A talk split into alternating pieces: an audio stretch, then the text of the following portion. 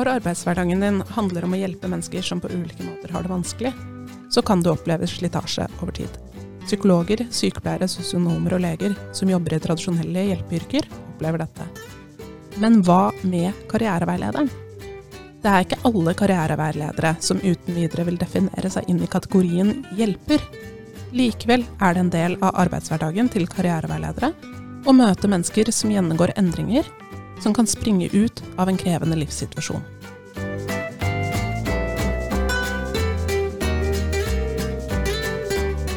Hei, og velkommen til Veilederforumpodden. En podkast fra Direktoratet for høyere utdanning og kompetanse. Mitt navn er Mari Torbjørnsrud, og jeg er en av fagredaktørene for veilederforum.no, et nettsted for deg som veileder om utdanning, jobb og karriere. Hvordan kan man gjenkjenne og forebygge slitasje blant karriereveiledere? I etterkant av etisk utfordrende situasjoner kan det være nyttig med en etterrefleksjon sammen med kolleger. Noen situasjoner kan du håndtere greit selv, mens andre påvirker deg mer, og du kan ha behov for debrief. Hvordan skape et arbeidsfellesskap der det er tid og rom til ivaretagelse og kollegastøtte? I dag skal vi snakke med psykolog og forfatter Marie Håvik om hvordan karriereveiledere over tid kan oppleve slitasje i sin veileder- og hjelperrolle. Marie har undervist om ivaretakelse av hjelpere i 15 år, i tillegg til at hun sammen med Siri Toven har skrevet boken 'Ivaretakelse av hjelpere er vi ikke betalt for å tåle dette'. Hei og velkommen, Marie. I boken er dere opptatt av at hvis man skal kunne hjelpe gjennom et langt arbeidsliv og ikke bli utslitt, så må man ha gode verktøy, og det skal vi snakke om i dag. Formålet med karriereveiledning er å gi veiledning om utdanning, opplæring og arbeid. Og selv om oppgaven kan virke avgrenset, så kommer folk med hele sitt liv inn i veiledningen. Det kan være etisk utfordrende å sette grenser for hva man skal, eller ikke skal, snakke om i veiledningen. Videre så kan det være krevende å ta imot og bære alle de livshistoriene man møter. I tillegg til å snakke om hjelpere, bruker dere begrepet relasjonsintensive yrker. Og det må vi jo kunne si at karriereveileder er. Som jeg nevnte innledningsvis, er jo mange i karriereveiledningsmiljøet opptatt av at man ikke er hjelpere. Men du peker på at det finnes noen likhetstrekk. Kan du si litt om hva som er likt i de relasjonsintensive yrkene? Ja, det som jeg tenker er likt, det er at man møter mennesker som trenger hjelp til noe. Som er i en prosess, kan man si. Og at man da må bruke minst tre sider av seg selv i dette møtet. Man må bruke kunnskapen sin, det man har lært. Man må bruke empatien sin, altså sin innlevelsesevne. Og så må man bruke sine egne reaksjoner. Og så må man kunne veksle mellom disse tre posisjonene. For en karriereveileder kan det handle om å bruke sin kunnskap, f.eks. om ulike utdanningsmuligheter, arbeidsmuligheter, eh, karriereveier f.eks. Og samtidig så må man møte folk med empati og vennlighet. Og et minimum av innlevelse i situasjonen deres. Og så må man være ekte i det møtet. Man må vise frem seg selv som menneske. Altså Man må reagere naturlig. Altså Behersket. Ikke sånn at man liksom bare 'Å, så grusomt du har det', nå begynner jeg å gråte. Ikke sånn. Men man må tørre å vise frem at man reagerer på det den andre sier. Og dette å kunne veksle mellom de tre posisjonene, det er krevende, men det er nødvendig for at det skal bli nyttig og god hjelp til den personen som sitter der. Jeg tror vel alle av oss har opplevd å skulle få en eller annen form for hjelp der én eller flere av disse tre posisjonene ikke er til stede. Der det ikke er noe kunnskap, der det i hvert fall ikke er noe empati, og der ekte reaksjoner er eh, mangelvare. Det er veldig godt, og det er nødvendig for den man hjelper, å klare å veksle sånn uanstrengt mellom disse tre posisjonene. Men det er veldig godt for en selv også. Mm. Det er absolutt sant at man merker det når eh, en av de mangler i møte med de som skal hjelpe en. Men det er jo åpenbart krevende for de som holder på med det. Og hvorfor mener du at eh, vi da må snakke om ivaretagelse i motsetning til selvivaretagelse? Min medforfatter Siri Toven og jeg vi har et mer sånn systemisk perspektiv på ivaretagelse. At ivaretagelse må skje i et samspill med andre, tenker vi. Det må skje i samspill med ledelse, med andre kollegaer og eh, med den enkelte ansatte. Der alle parter har sitt ansvar, sitt bidrag inn til at det skal bli god ivaretagelse. Vi tenker at det er nytteløst å kreve at en ansatt skal bare ivareta seg selv, at det skal være nok. Dersom arbeidskrav og rammer rundt jobben din ikke er på plass, eh, og det for øvrig er et ledelsesansvar og det er på plass, tenker vi, så går det ikke å bare ivareta seg selv. Du kjemper på en måte en litt håpløs kamp. For å sette det litt på spissen, det hjelper ingenting hvis jeg mediterer daglig, knasker grønnkål, om jeg arbeider på et sted der ingen tar hensyn til arbeidsevnen min, hva jeg faktisk kan gjøre og ikke gjøre, og hvor mange oppgaver jeg har i løpet av en arbeidsdag, en arbeidsuke, et helt arbeidsår. Det er viktig balanse du snakker om der. Etikk er jo også et sentralt aspekt i karriereveiledning, og jeg går ut fra i flere av disse yrkene. Og dette understrekes også i Nasjonalt kvalitetsramverk. Kan du si litt om på hvilken måte etikk er et viktig element også når det kommer til ivaretagelse av karriereveilederen? Ja, altså Hva er det Marie Bergman, den svenske sangeren, sier? Ingen slipper unna politikken. Ingen slipper unna etikken heller, tenker jeg da. Og jeg har tatt utgangspunkt i det som står i det nasjonale kvalitetsrammeverket. Eh, det er så fint. Hvordan kan man utvikle god etisk praksis? Nøkkelen er kompetanse, etisk bevissthet og refleksjon. Dette er jo veldig riktig og veldig sånne korrekte ord. Men for å det skal bli noe innhold i disse ordene, så er man som karriereveileder nødt til å ha tid. Man må ha tid til å lære seg det man trenger. Man må ha tid til å anvende det man har lært. Og man må ha tid til, ikke minst, å reflektere over det man har, de menneskemøtene man har hatt, de menneskemøtene man kommer til å ha. Og ikke minst så må man ha tid til å kunne reflektere over krevende etiske problemstillinger. Og da er man også nødt til at kollegaene har tid, sånn at man kan reflektere sammen. For det er ganske vanskelig å gjøre dette bare alene. Du har vært litt inne på nasjonalt kvalitetsrammeverk allerede. Jeg regner ikke med at du kjenner det så godt, men i det området av kvalitetsrammeverket som heter kompetansestandarder, så er det et tema med relasjoner i veiledningen. Og det hender jo at man ikke nødvendigvis kommer kjempegodt overens med den personen eh, som du skal veilede. At du kanskje tenker at den ikke gjør alt det den kunne ha gjort for å komme i mål, eller få seg en ny jobb, eller eh, finne en ny retning for livet sitt. Og i etterkant av en samtale så, så, har du jo noen å lene deg på, og kanskje mer rom for eh, refleksjon.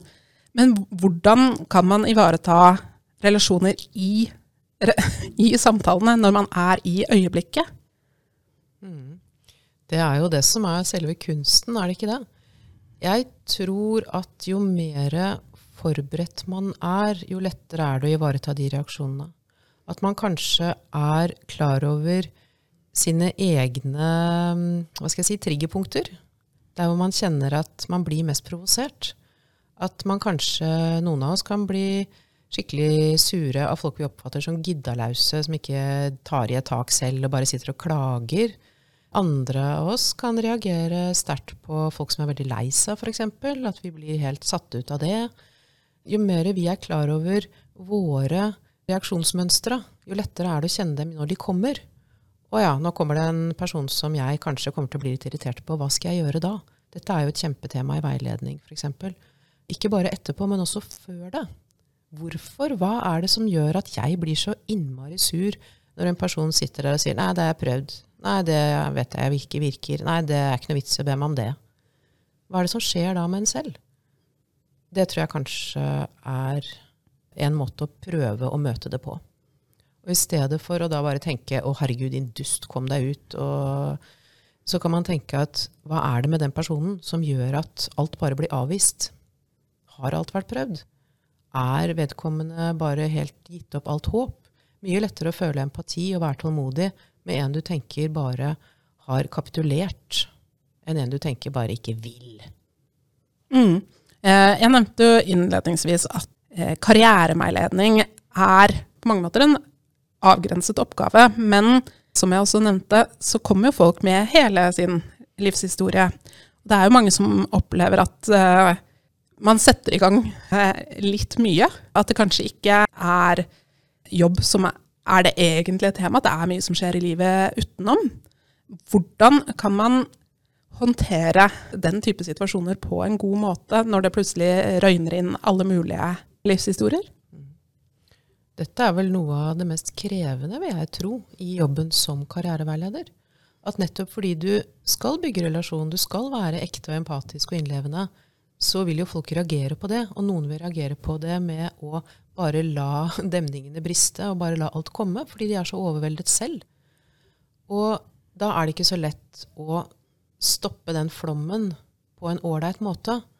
Og man kan til og med kanskje noen ganger føle seg litt slem nå, herregud, nå sitter vedkommende der og sier ting som uh, uh, den aldri har sagt før til noen.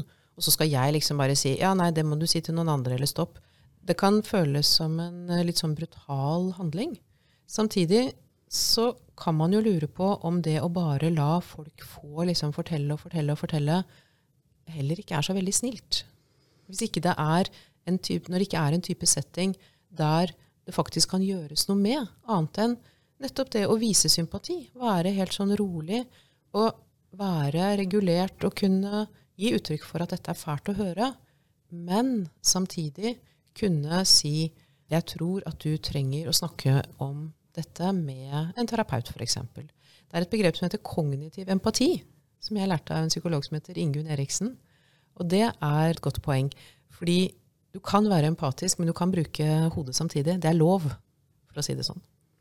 Dette er viktige poenger, og jeg vil tro at eh, en del av disse situasjonene også kan føre til omsorgstretthet, og det er jo et av temaene i boken deres. Og jeg har forstått at det kan komme til uttrykk som både underinvolvering og overinvolvering.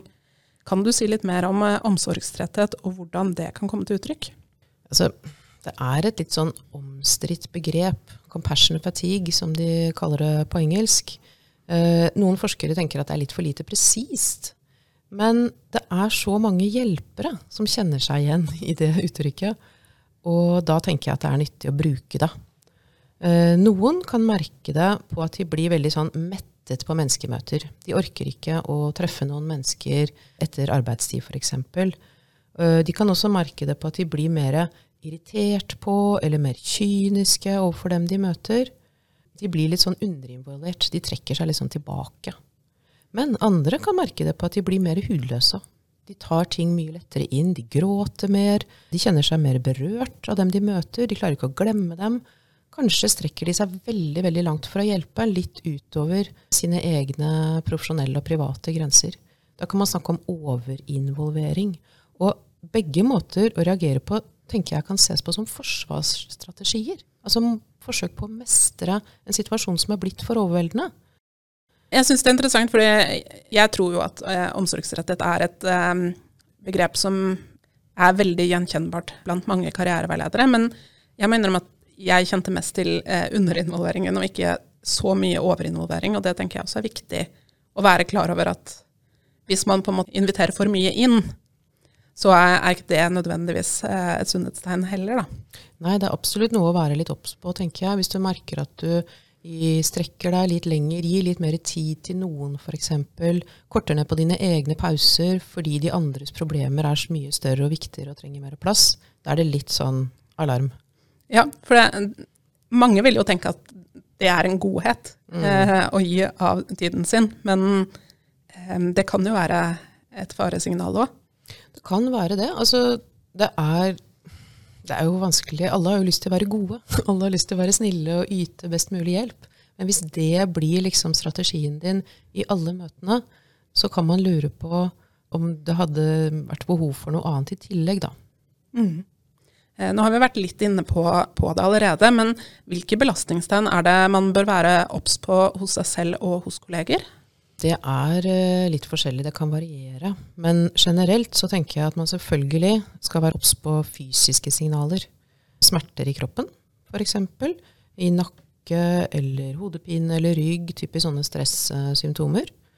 Svimmelhet. Kanskje alltid er sliten. Aldri liksom energi. Eh, alt som egentlig har med stress og høy aktivering å gjøre. Eh, og så tror jeg man skal være obs på dette med tilbaketrekning. At man begynner å kanskje isolere seg. En ting er fra andre mennesker, som vi var inne på, men også fra ting man gjorde før. Ting som man kanskje gledet seg over og likte, begynner man å merke at nei, det orker jeg ikke, det er litt for slitsomt. Jeg blir liggende her på sofaen og zappe på TV-en i stedet. Men også til og med at man begynner å trekke seg litt unna på jobb. Trekker seg unna i lunsjen kanskje, orker ikke å skravle med de andre, må bare være litt i fred. Eller fordi man har så mye å gjøre at man ikke har tid til å spise sammen med de andre. Et annet tegn som er veldig typisk, det er jo dette med dårlig søvn. Det er kanskje ofte der det starter for mange. Det at du merker at du våkner for tidlig, eller du eh, sovner for seint, eller du er bare vanskelig for å sove, eller det at du blir liggende og gruble om natta, som Siri pleier å kalle det at du begynner på jobb klokka fire om natta. Fordi du begynner å tenke på alt du skal gjøre eller rekke eller huske, og det kjempeviktige møtet og alt sånne ting. Et annet mulig tegn det er dette at du begynner faktisk å ruse deg mer. Begynner å drikke mer. Begynner at det ene glasset med vin blir til to. At det blir, eh, begynner å bli hver kveld. Sånne typer ting. I det hele tatt litt sånn vanskelig med å fungere i hverdagen. Noen sier at de første tegnene er at de begynner å merke at de glemmer ting. At de har vanskelig for å konsentrere seg. De får ikke med seg ting. At man endrer følelsene sine. Man blir kanskje mer dårlig humør. Blir mer sinna, mer trist. Føler seg mer håpløs. Sånn generell sånn håpløshetsfølelse. Mer sånn avmakt. Eller at man begynner å få litt sånn negative holdninger. Verden er sånn svart-hvitt. Er de snille og de slemme, og alle andre er dumme. Og det kan man kanskje merke f.eks. hvis man begynner å føle overfor samarbeidspartnere, tenker jeg, altså andre offentlige instanser, hvor du kan merke at herregud, de skjønner jo ingenting eh, i barnevernet, eller herregud, nå må helsesøster gjøre noe. Altså, når det begynner sånn, det kan være litt sånn tegn på at nå er det litt mye. Eller at du får veldig dårlig samvittighet. Jeg skulle ha gjort mer. Du får nesten litt sånn skyldfølelse for at du selv har det ålreit når andre har det vanskelig. Eller at du kan bli litt sånn grandios. Litt sånn her, um, Uten meg så faller alt sammen. Det er bare jeg som forstår denne jenta, denne gutten. Altså, alt dette er individuelt, og det er ikke sånn at alt opptrer til enhver tid, men det er i hvert fall eksempler da, på faresignaler man skal være litt obs på. Det er jo en ganske lang liste. Ja, dessverre. men jeg tenker jo også at en del av disse tingene som du eh, nevnte nå, er jo også ting mange kan kjenne på etter et par år med pandemi og hjemmekontor, hvor man på en måte ikke er vant til å spise lunsj sammen hver dag, og at man kan også kanskje trenge å passe litt ekstra på eh, belastning etter eh, å ha hatt en helt annerledes hverdag så lenge. Mm. Det er veldig godt poeng, tenker jeg. Vi er vel alle litt sånn sosialt eh, klønete etter pandemien. Og vi har kanskje uh, sett litt av fordelene med det også, hvor mye man faktisk får gjort når man uh, kan sitte i fred, f.eks. Nei, jeg tror du er inne på noe der. Ja, for jeg vil tenke at uh, det er litt vanskelig å vite forskjellen når man har vært gjennom det vi har vært gjennom de siste par årene. Mm. Og kanskje må det gå litt tid, og så må man begynne å legge merke til er dette noe vedvarende, på en måte, eller er dette noe som går seg til? hva handler det egentlig om? Pluss selvfølgelig vil jeg tenke at de man jobber med, også har vært gjennom en pandemi. Alle er slitne. Alle er litt sånn kjørt. Mange har ganske dårlige erfaringer. Det er også kanskje litt ekstra tungt, tenker jeg. Ja, absolutt. Du snakker om tre ulike nivåer av ivaretakelse, med ledere som det første eller det øverste nivået. Eh, hva er ivaretagende ledelse, og hvorfor er det så viktig? Det er uh, viktig fordi det er lederne, eller ledelsen, som setter betingelsene på arbeidsplassen. Som definerer hva oppgavene skal være, uh, når de skal gjøres, hvor raskt de skal gjøres. Og derfor er det kjempeviktig at ledere har et bevisst forhold til dem i ivaretakelse. At lederen er en god rollemodell, en god kulturbærer. At lederen signaliserer at det er lov å ha et privatliv, f.eks., og sier at vet du hva, Eh, nå er klokka jeg vet ikke hva den er, den er kanskje halv fire på en fredag. Nå er det på tide å gå hjem. Forteller om hva han eller hun skal gjøre i helgen. Altså, det er eh, så mye autoritet i det å være leder. Og mye av det er litt sånn i de synlige signalene, selvfølgelig, men også i de usynlige signalene man sender. Det er viktig at ledere normaliserer reaksjoner på en overveldende situasjon, og ikke begynner å individualisere ansvaret. 'Å ja, du passer kanskje ikke helt til denne jobben, du. Du er kanskje litt for pinglete', liksom. Men uh, kan si at naturligvis, i denne situasjonen, da reagerer man. Og så tror jeg det er kjempeviktig at en leder vet selv hvordan dette kjennes på kroppen. Det at de har empati med arbeidstakers situasjon. At de vet litt om hvordan det er å sitte der og høre alle de historiene. Og så tror jeg også det er viktig at ledere ikke er for opptatt av å tekkes ledere over seg. Og bli opptatt av mer av produksjon og av tall og av uh, resultater som ser flott ut i en toppledelse, men kan ha med seg nettopp denne kunnskapen om hvordan det faktisk er å sitte der og være den som produserer de tallene. Det er ikke noen enkel uh, oppgave. Det har jo blitt kalt for hamburgereffekten, den der med at ledere kommer litt sånn i skvis mellom de ansatte og ledelsen over seg. Men det er likevel en av jobbene du har som leder, det er å holde den balansen. Jeg tror også at ledere må se dette med ivaretagelse som en del av jobben. Altså ha gode strukturer for det lagt inn i rutinene i arbeidet. Og at når det først røyner på da, så kan man gjøre praktiske grep. Man kan kalle inn til debrief. Man kan sette ned foten og si at nå, ikke, nå må det være en pause i arbeidsoppgave på akkurat dette, f.eks. Melde fra opp. Ikke bare ta inn og Ja, men dette må vi bare få til. Vi må bare jobbe mer og hardere og fortere. Og så har jeg lyst til å bare nevne også at selvfølgelig trenger ledere også ivaretagelse. Det er litt viktig. Det er ganske hardt, kan være, å være leder. Det er viktig å ikke glemme det. Mm. Du var jo eh, på Nasjonal karriereveiledningskonferanse i fjor høst og holdt et veldig spennende foredrag. og Da var du jo inne på nettopp det med ledere som kulturbærere, og hadde fortalt om et eksempel om en leder som jeg tror sluttet tidlig på jobb for å gå på ski. Mm. Og det fikk vi i evalueringen veldig mange tilbakemeldinger på at det hadde gjort inntrykk. og at ja, Det viser jo nettopp eh, viktigheten av ledere som kulturbærere, og hvordan signaler om at en leder som eh, slutter tidlig på jobb på en torsdag for å gå en skitur. Det er akkurat det. Jeg tror kanskje ikke alle ledere er klar over hvilken kraft som ligger i de bitte små signalene. De kan bare tenke at jeg bare gir en saksopplysning, eller eh, det datt ut av meg fordi jeg gleder meg sånn til den skituren. Men den signalverdien det har, den er utrolig stor, faktisk. Ja, og da i motsetning eh, en leder som eh, jobber seint og sender mail med oppgaver klokken 11 på kvelden, vil jo gi noen andre signaler eh, og forventninger til hva de ansatte skal drive med. Ikke fullt så ivaretagende, for å si det litt forsiktig.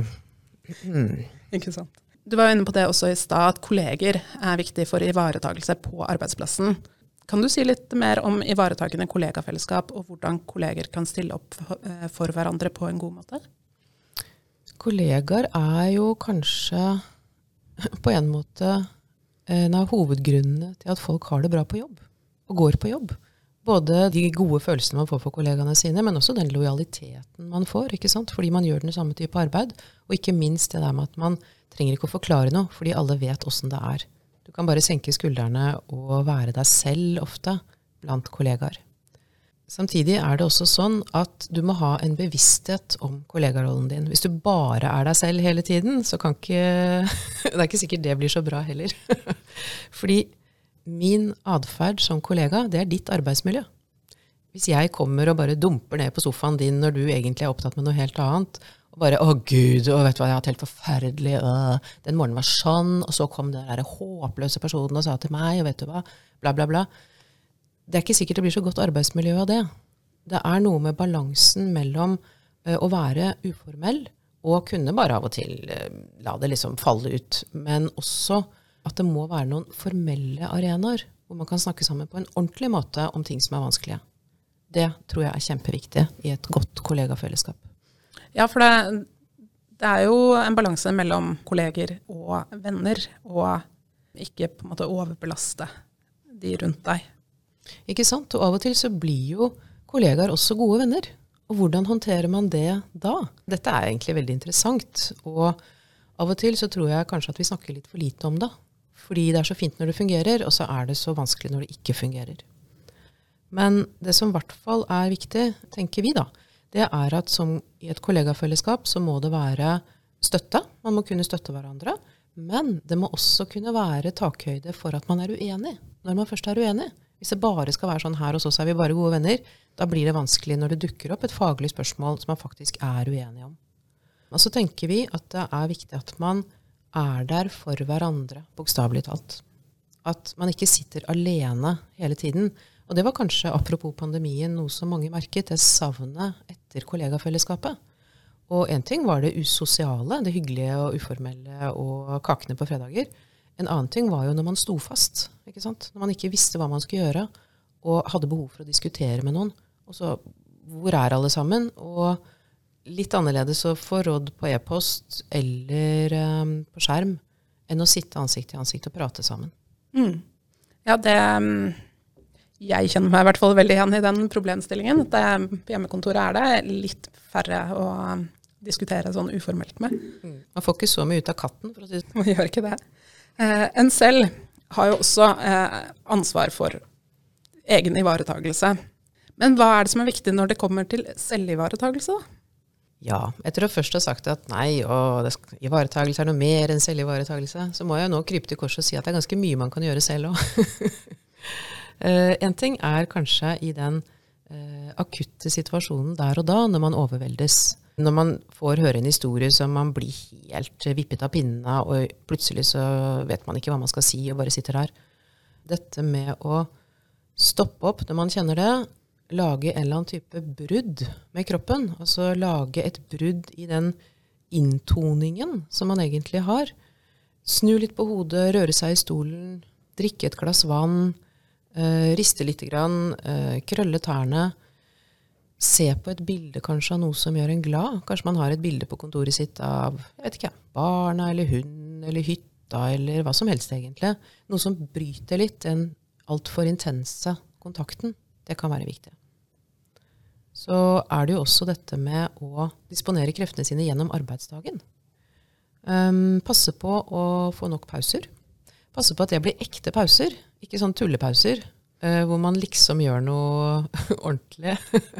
F.eks. at man plutselig kjenner at man sitter og scroller litt på eh, nettet på et eller annet halvoffisielt nettsted, fordi da er man liksom gjør noe ordentlig. Nei, ta en skikkelig pause når du først uh, kjenner at du må det. Der syns jeg faktisk pandemien har vært veldig bra, for jeg har aldri hørt så mange råd om pauser noen gang. Og plutselig så er det fryktelig lov å reise deg opp og gå en tur og strekke på deg, og du må ha pauser, du kan ikke sitte fra en skjerm hele tiden. Det er veldig bra, faktisk. Jeg håper at det blir med inn i Eh, arbeidshverdagen fremover, at det er lov. Fordi jeg tror ikke jeg har tall på hvor mange mennesker som tar pause med dårlig samvittighet. Og føler at de stjeler tid fra jobben hvis de gjør det. Men det er vel en del som har hatt dårligere samvittighet når de har tatt pauser i pandemien, fordi mange har sittet på hjemmekontor, og når man tar pauser på hjemmekontor, så er man jo bare hjemme. Mm, ikke sant? Uh, så det, det har jo vært en balanse. Det er jo litt enklere nå som mange er mye mer tilbake. Ja, det er akkurat det apropos det vi snakket om om kollegafellesskap, og dette her med at det jeg gjør, det er ditt arbeidsmiljø. Hvis du ser at jeg går meg en tur ut, så kanskje gir det deg litt mer slack til å kunne gjøre det samme neste gang du trenger det. At man blir litt sånn kulturbærere for hverandre. Da. Liksom gode eksempler. Eller kan prøve å være det. Det er absolutt et viktig poeng. og det, det var en ting jeg satt og tenkte på mens du snakket. fordi når er det man trenger ivaretagelse? For på en måte så tenker jeg at hvis det skjer noe veldig dramatisk, eller man hører, eh, møter noen med en veldig dramatisk eh, livshistorie eller livssituasjon, eh, så, er, så, er, det på en måte kanskje lett å skjønne at man mm. trenger litt ivaretagelse etterpå. Men det er jo noe med at i menneskemøter, uansett om de er traumatiske eller dramatiske eller sånn, så, så er jo det krevende. Det krever noe av deg. Det var du inne på i starten, at det krever at du har kunnskap, at du er til stede. Mm at du viser empati, at du går inn i alle menneskemøtene. Mm, mm. Sånn at det å på en måte legge merke til at ivaretakelse er en del av hver eneste arbeidsdag, ja. det er vel også et poeng? Det er et kjempeviktig poeng, tenker jeg. Uh, fordi det er klart at det å stadig møte mennesker på den måten, det er i seg selv krevende. Stadig åpne opp og være empatisk. Stadig være ekte og genuin i møte med andre det er jo noe som sliter på deg hvis du ikke har lagt inn noe i arbeidshverdagen, i arbeidslivet ditt, som passer på deg og regulerer deg. For det er anstrengende å stadig være til stede for andre. Og det er nok det kanskje mange kan oppleve etter hvert som de er mange år i yrket. Og kjenne at å, enda en, liksom, enda en historie. Du er helt avhengig av å ha den nødvendige pausen imellom disse møtene klare å restituere deg såpass at du går inn i neste møte med en type ekthet og empati som ikke er liksom eh, tillært, eller du bare tar på automatikken. Men hvis det nå er, er mange som sitter og hører på, som tenker at dette høres ut som det nesten trenger en egen arbeidsuke eh, for å gjøre. ja. Hva er den enkleste måten å ta vare på seg selv hvis man ikke har så mye ekstra tid? Jeg tror veldig på de korte øyeblikkene der man er bevisst hva som skjer. Og da mener jeg ikke at man skal sitte og meditere. Jeg mener at man skal ha de 30 sekundene å stoppe opp foran kontordøra og tenke at nå skal jeg gå på jobb. Nå skal jeg være her. Og ikke minst da de 30 sekundene man går ut igjen. Nå er jeg ferdig på jobb. Nå har jeg gjort det jeg kunne gjøre i dag. Nå går jeg hjem. Nå skal jeg være privatpersonen. Og jeg tror at bevissthet er nøkkelen, rett og slett. At hvis man bare durer på, hvis man bare holder på og ikke stopper opp og kjenner etter på overgangene, på uh, sin egen reaksjon i det hele tatt, det er da det går gærent. Men det er ikke sånn at man må sitte liksom en halvtime og bare Hva følte jeg nå? Mm, jo, jeg følte sånn og sånn. Altså, Av og til så er det det som trengs. Men det er, ikke, det er ikke det det handler om. Det handler om å være klar over når noe viktig skjer, og markere det for seg selv. Tusen takk, Marie. Syns dette har vært en veldig eh, spennende samtale om et veldig spennende og viktig tema, som det ikke har vært så mye oppmerksomhet rundt på karriereveiledningsfeltet. Og så håper jeg at eh, dere som har hørt på, har blitt inspirert til både alene og i fellesskap å legge enda bedre til rette for kollegastøtte og debrief på egen arbeidsplass. Takk skal du ha. Takk for at jeg fikk komme.